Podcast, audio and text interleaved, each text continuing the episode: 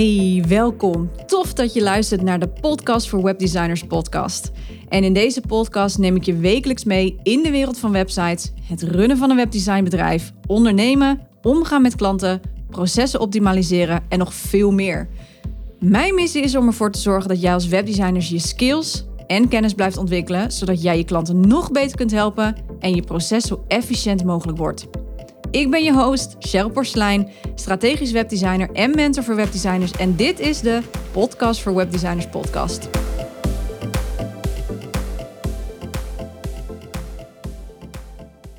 Hey, welkom bij een gloednieuwe aflevering van de Podcast voor Webdesigners podcast. En in deze aflevering ga ik het hebben over het portfolio.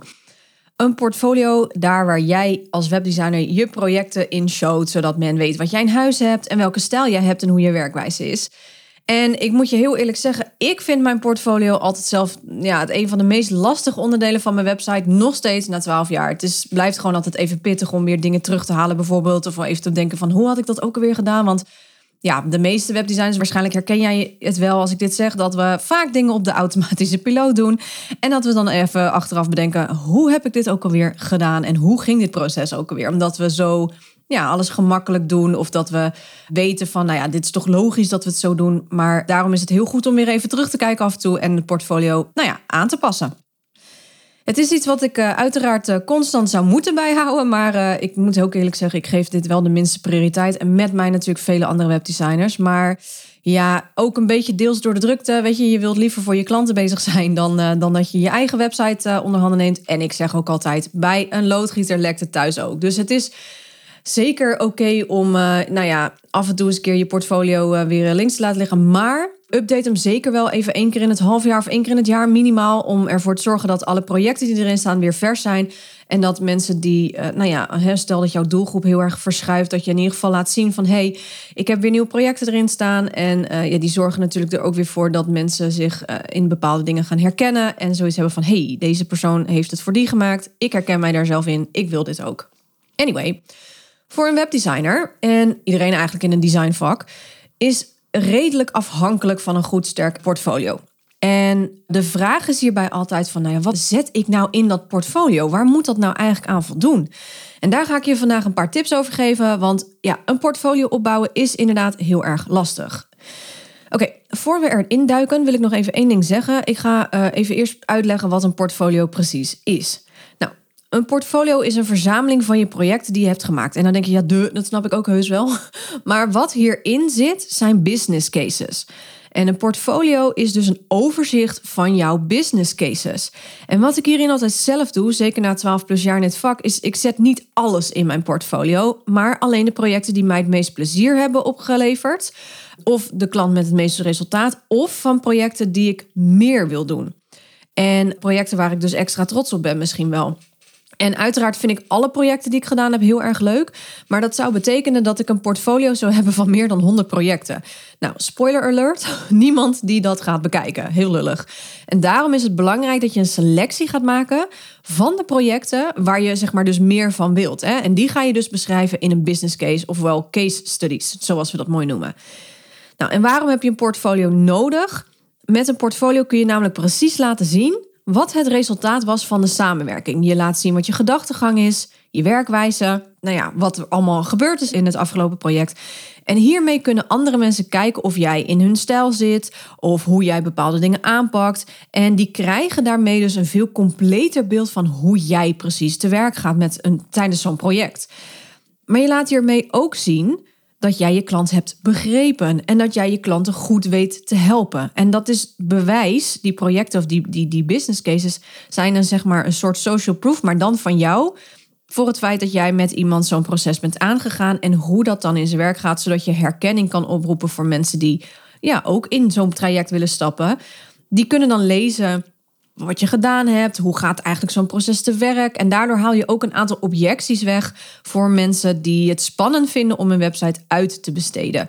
En met business cases kun je daar dus uh, heel mooi een soort bewijsstuk van maken van hey, ik heb dit gemaakt, zo en zo heb ik het aangepast, sowieso heb ik het aangepakt, dit zijn mijn keuzes geweest, et cetera, et cetera. En dan weten mensen precies wat er te wachten staat. En dan haal je dat onbekende stuk haal je zeg maar weg, waardoor het makkelijker wordt of de drempel verlaagt voor iemand die denkt van, oh, maar ik moet ook mijn website uitbesteden, maar hmm, hoe werkt het allemaal en waar zit ik allemaal mee en nou ja, noem het maar op. Dus dat is onder andere natuurlijk een reden om een goed sterk portfolio neer te zetten op je website.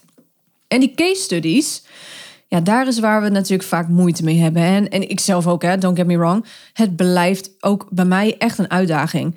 Maar ik ga je natuurlijk zoveel mogelijk helpen. Dus daar komt die. Nou, wat heb je nodig voor een business case? Een aantal dingen. Het eerste heb je nodig je voorstel. Je moet even je voorstel er weer bij pakken die je hebt geschreven voor je klant. En dan weet je weer even van begin vanaf uh, hoe het project is gestart. Dan heb je uit je researchfase natuurlijk je vragenlijsten of je notities van je kick-off nodig. Afhankelijk van hoe jij je businessmodel uh, of je, je, je projecten inricht, heb je in ieder geval of vragenlijsten of notities of allebei van je kick-off. En die moet je er even bij pakken om eens te kijken van waar stond de klant ook alweer en waar wilden ze naartoe. Dan als derde heb je nodig screenshots van eventueel de oude website. Spreekt voor zich. En uiteraard heb je als vierde nodig screenshots van je nieuwe website als jij een herontwerp natuurlijk uh, maakt. Hè? Dus anders is het alleen maar nieuw. Maar als jij uh, een herontwerpt zoals ik, dan heb je zowel is het fijn om oude screenshots te hebben als nieuwe screenshots, zodat men kan zien hoe en wat. En als vijfde heb je het liefst een review nodig, inclusief een fotootje van de klant, als dat mogelijk is. Naam zou ik er sowieso altijd bij zetten. En het liefst wil je een review met daarin zeg maar het resultaat. Dus wat het je klant heeft opgeleverd. Nou, mocht je dat nog niet gedaan hebben, een review gevraagd hebben, doe dat dan alsnog even voor de projecten die je bijvoorbeeld al een tijdje geleden hebt uh, afgerond. Net opgeleverde projecten. Dus als je binnen een, nou, drie weken, drie weken, vier weken grens zit, dan zou ik er nog even mee wachten. Die kun je altijd nog later toevoegen. Oké. Je hebt je dingen verzameld, je hebt je vragenlijst, je hebt je notities. Daar ga je mee beginnen. Dus je vragenlijst en je notities van je, van je kick-off, het voorstel, daar ga je even mee beginnen. Wat ik wil dat je doet, of wat je mag gaan doen, laat ik het zo zeggen, is dat je een korte samenvatting gaat maken van nou, ongeveer 200 tot 300 eh, woorden. Waarin je vertelt wie is het, wat doet die persoon en hoe wil die persoon het leven beter maken van hun klanten. En geef daarbij aan waarom deze klant naar jou is toegekomen met welke hulpvraag en wat hun beoogde resultaat zou zijn. Dus dan haal je dat allemaal uit je voorstel, zeg maar. Je kunt bijvoorbeeld een nulmeting hebben gedaan. Of je kunt in die vragenlijsten staat bijvoorbeeld bij mij van, nou ja, waar, waar sta je nu en wat zou je willen veranderen? Dat zijn natuurlijk perfecte, ja, dingen die je kunt neerzetten, waardoor je een nulmeting hebt, waardoor je een startpunt hebt voor het project, want daar ben je vanuit gestart. En dat is ook precies hoe je zo'n business case opbouwt. Je laat even het startpunt zien, dus wie, wie is het achter het bedrijf, wat doet die persoon, dus je, je maakt een soort ja, hoe zeg je dat? Klantbiografie, om het maar even heel kort door de bocht te zeggen. En daarbij geef je dus aan van, nou ja, waar zijn we gestart? Waar hebben we naar gekeken? Wat heeft de klant uh, als wensen opgegeven? En nou ja, wat zou het resultaat zijn als ze met mij wilden, of tenminste, wat zou ze als resultaat willen hebben tijdens dit, of aan het einde van dit project? Daarna beschrijf je ook het doel. Dus dat zet je even in een apart paragraafje. Wat is het doel van dat jullie gesteld hebben voor deze nieuwe website? Dus dat neem je vanaf, zeg maar, je voorstel met de, de notities van je kick-off slash vragenlijsten. Daar kun je uithalen van wat wilde die persoon. En op basis daarvan heb je een doel gesteld voor die website. Dus nou, deze klant kwam met uh, probleem X naar mij toe. Of met, met vraagstuk X naar mij toe. We hebben dit en dit en dit hebben we besproken. En het uiteindelijke doel kwam erachter, uh, kwamen erachter dat het uh, doel I was om dit en dit te behalen. En daarin zet je dan de resultaten die jouw klant heeft uh, neergezet of heeft aangegeven. En geef je aan dat dat dus het doel is van die website waar ze voor bij jou zijn gekomen en waar jij dus die website voor hebt gemaakt. Mocht je herontwerpen, zoals ik, vertel dan ook bij zeg maar, wat de website hiervoor wel of niet deed. Dus je kan ook een klein stukje neerzetten, echt heel kort met maximaal nou ja, twee regels of zo. Dat je even laat weten van hey, dit is een herontwerpproject. Dit was de website voor. Dat was, uh, daar kwamen we achter dat dit en dit niet lekker werkte. En dat hebben we nu aangepakt door dit en dit en dit te doen. Echt een hele kleine korte analyse, die kun je erbij zetten als je dat fijn zou vinden en jij bent gespecialiseerd net als ik in herontwerpen.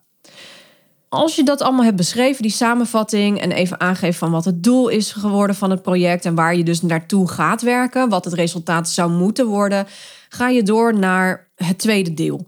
En nu ga je door zeg maar, naar het design gedeelte. En hierin laat je eigenlijk nog geen website zien, maar de designkeuzes die je hebt gemaakt. Dus je kunt het vergelijken met een soort samenvatting van een mini-website style guide. Je laat hier bijvoorbeeld je keuzes zien voor het lettertype, hè, dus hoe je het gebruikt. Dus, dus stel je voor dat jij, ook al is het een bestaande huisstijl, dat je gekozen hebt om kop H tot 1 tot en met uh, 3 heb je uh, lettertype X gegeven. En kop 4 tot en met H6 heb je een I-lettertype gegeven. En de bodytext heb je als Z gedaan bijvoorbeeld. Daar beschrijf je ook zeg maar bij de kleuren. Hoe heb jij de kleuren, ook al is het een bestaande huisstijl, hoe heb jij die kleuren ingedeeld, ingesteld en in gebruik genomen? De foto's, je kan denken aan een, een soort mini moodboardje dat je laat zien van nou, wat voor sfeer hebben we proberen te hanteren, et cetera. Heel kort. Probeer dit echt zo kort mogelijk te maken. Dit hoeft geen mega uitgebreid stuk te worden. Het gaat erom dat men kan zien dat wat je in de samenvatting hebt geplaatst, hè, dus wat je net hebt geschreven in die inleiding van waar wilden we heen met, het, met, het, met, met de nieuwe website, laat je zien zeg maar, dat je het gevoel hebt kunnen overbrengen met bepaalde designkeuzes. En handig is om daarbij onder elk onderdeeltje even, of bij on, elk onder hangt van natuurlijk hoe jij je pagina indeelt is om even heel kort in één zinnetje te zeggen waarom je een bepaalde keuze hebt gemaakt. Dus stel jij hebt gekozen voor een strak maar dik lettertype voor de H1-kop, maar een dunner lettertype voor de H2 en de H3. Nou, vertel even in één zin waarom. Dus bijvoorbeeld, door in diktes te werken krijgt dit lettertype een extra luxe dimensie. Ik noem maar wat. Je creativiteit is natuurlijk je eigen limiet. Hè? Dus, maar het is wel prettig om dat soort dingen te onderbouwen, omdat je daarmee die samenvatting die je daarboven hebt neergezet, dat je die extra kracht bijzet door te laten zien: ik begreep precies wat die persoon van mij heeft gevraagd en daar heb ik deze designkeuzes op gebaseerd. Nou, heb je dat gedaan, dan kun je door naar de volgende sectie. Dus je hebt je samenvatting slash inleiding, je hebt je designkeuzes, je mini-website style guide om het zo maar te noemen. En dan ga je door naar de sectie wat daadwerkelijk de mock-ups en screenshots van de website is. En hier zie je vooral dus de nieuwe website. Dus je kunt hier natuurlijk voor kiezen om een before- en afterfoto te maken, zodat men duidelijk het verschil is. Als dit voor jou van toepassing is, voor mij zou dit dus heel interessant zijn. Hè? Want waar stonden we voordat we gingen uh, herontwerpen? En hoe heb ik ervoor gezorgd dat de website eruit ziet zoals die nu eruit ziet? Dus voor mij zou het betekenen dat ik daar een extra nou ja, stuk uitleg over mag gaan geven, omdat ik natuurlijk een herontwerp heb gemaakt. Maar door before- en after foto's te gebruiken kun je dus laten zien van hey, dit is waar we mee begonnen en dit is wat ik ermee heb gedaan. En daarmee laat je ook meteen je design skills zien voor de mensen die, nou ja, willen weten van hey, uh, hoe ziet het er dan uit en is dit, ja, zou dit, klopt dit en, en, en matcht dit? En wat hierbij belangrijk is, is dat je dus niet alleen screenshots plaatst natuurlijk, maar ook hierbij beschrijft wat je keuzes zijn geweest. Nou heb ik het net ook over designkeuzes gehad, maar hier ga je hoe je dit doel hebt gedaan met die designkeuzes. Hoe heb je het doel bereikt met die designkeuzes en wat is dus het uiteindelijke resultaat? En je kan denken bijvoorbeeld aan, nou ja, net heb je uitgeschreven van um, lettertypes en kleurkeuzes, maar hier ga je echt in van, oké, hoe heb je die customer journey ingedeeld? Waarom heb je gekozen om hier bijvoorbeeld een lead generator van te maken? Dus eh, stel je voor dat jij uh, een klant hebt die een e-maillijst op wil bouwen en je laat een screenshot zien van, een, van de homepage, dan zul je waarschijnlijk uh, op meerdere plekken die invulformulier voor een download terug hebben laten komen. Nou, dan kun je precies uitleggen van hey, deze persoon had als doel gesteld, hè, weet je nog, in de samenvatting hebben we als doel gesteld dat het een, een lead generator moet worden, dus een e-maillijst website. En dat betekent dat ik deze en deze keuze heb gemaakt, zodat men in de website zelf uh, meerdere plekken heeft om zich in te schrijven voor deze download. Daardoor wordt het makkelijker voor de gebruiker om iets te downloaden. En daardoor is het doel van de website overduidelijk. En wordt er vooral ingezet op die lead generator. Dus echt even heel kort van waarom heb je die keuze gemaakt ten opzichte van het doel wat je hebt gesteld. Een kleine tip ik zelf specialiseer mij natuurlijk op herontwerp en designpsychologie. En mijn beschrijving zal daar dus ook veel meer op gericht zijn. Maar stel jij specialiseert je voornamelijk in de technische kant van de website. Mijn interne bouwer bijvoorbeeld, uh, Linda, ja, die zou, die zou niks kunnen zeggen, of tenminste minder kunnen zeggen over het design, omdat ik natuurlijk het design heb ontworpen. Maar zij doet de technische kant. Dus als jij zegt van ja, maar ik ben wel webdesigner en ik ontwerp wel een website of ik, of ik, maar ja, goed, de technische kant, daar wil ik me vooral op specialiseren.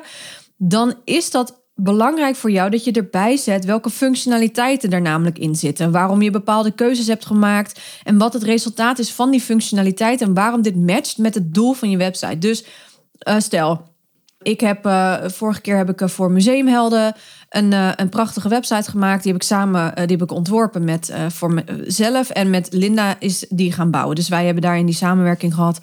En dat was een ontzettend leuk, leuk, leuk project. Nou, vanaf mijn kant, als we even één ding eruit pakken uit Museumhelden, was dat er een vacaturebank in moest zitten voor vrijwilligers. En dat die vacatures dus gefilterd moesten worden. Nou, aan mij dus het design om uit te leggen van nou, ik heb dit en dit gekozen bij de filterfunctie op een designniveau, zodat uh, als we het zo zouden indelen en zo zouden designen, dan is het voor de mensen logisch en gebruiksvriendelijk en past het binnen de verwachtingen van het gebruikerspatroon van filters.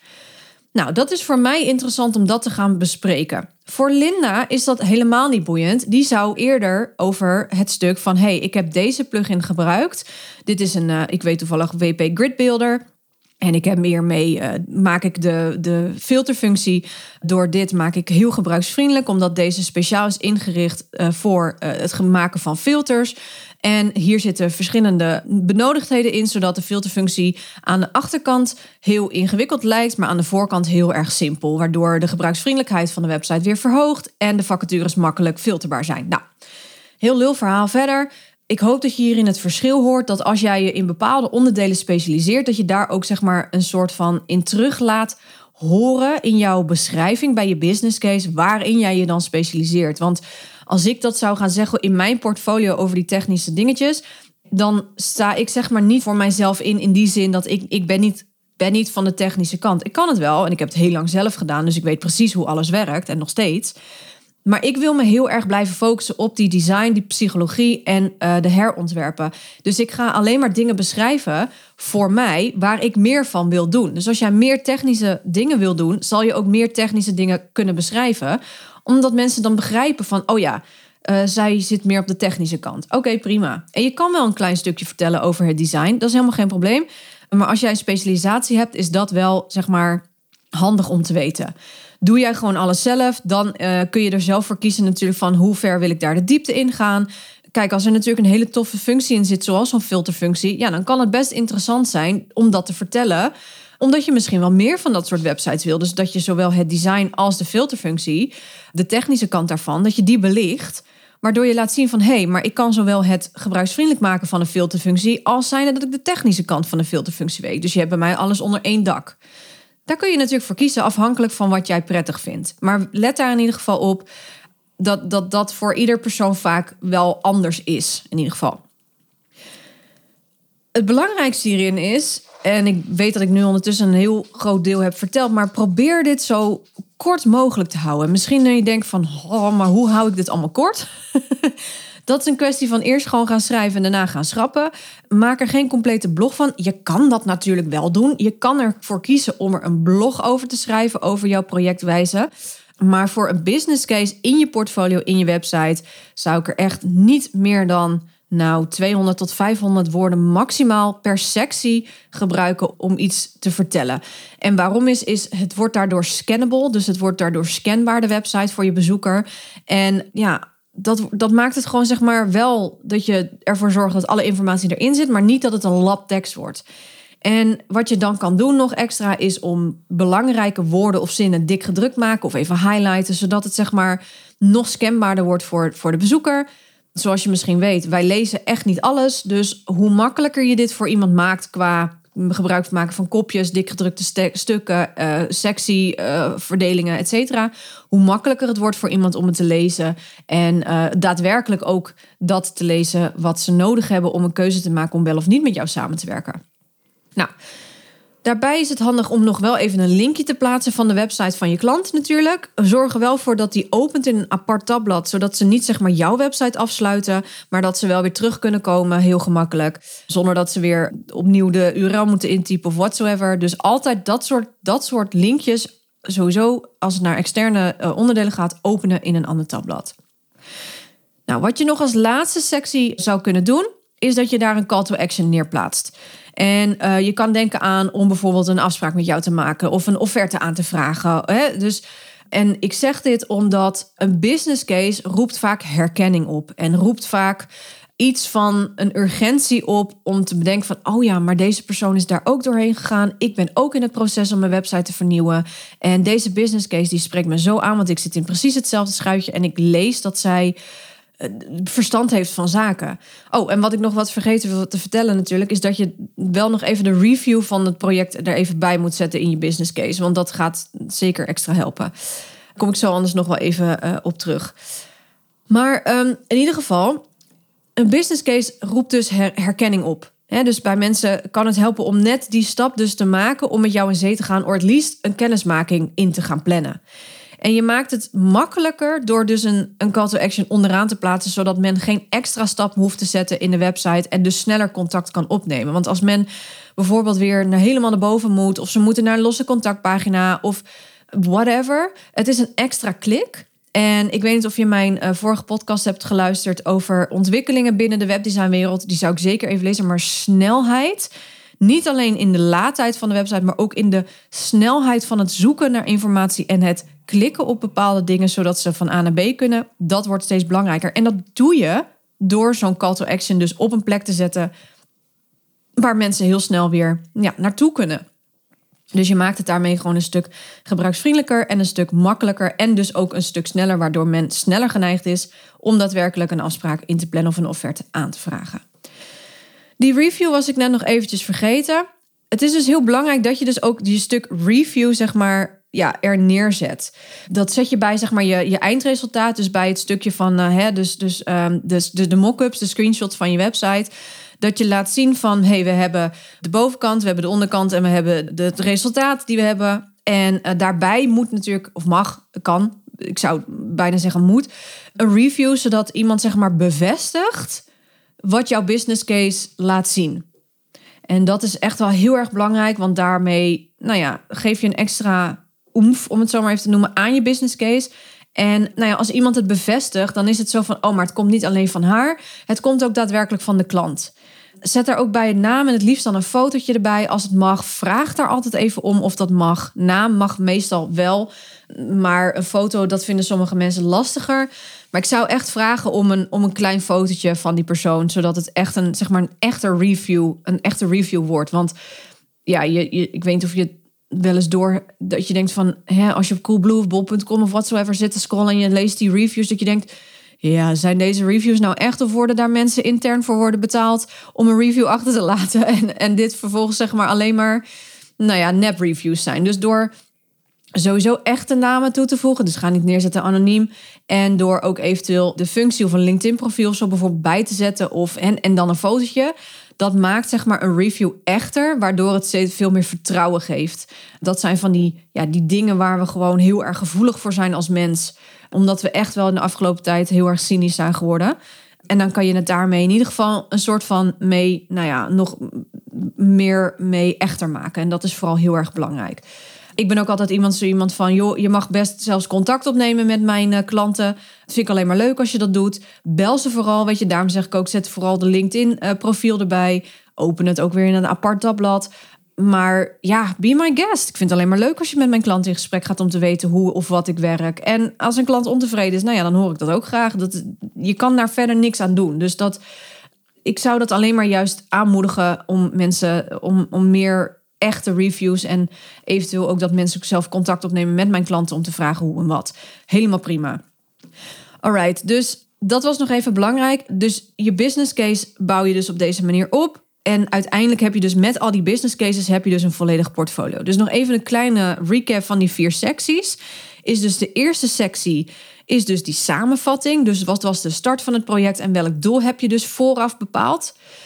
Dan de tweede sectie is dus je designkeuzes. Dus die mini-style guide. Waarom heb je bepaalde lettertype keuzes zo gezet in de website? Welk gevoel roept dat op? Welke, gevoel, eh, welke kleurkeuzes heb je gebruikt en waarom? Noem het allemaal maar op.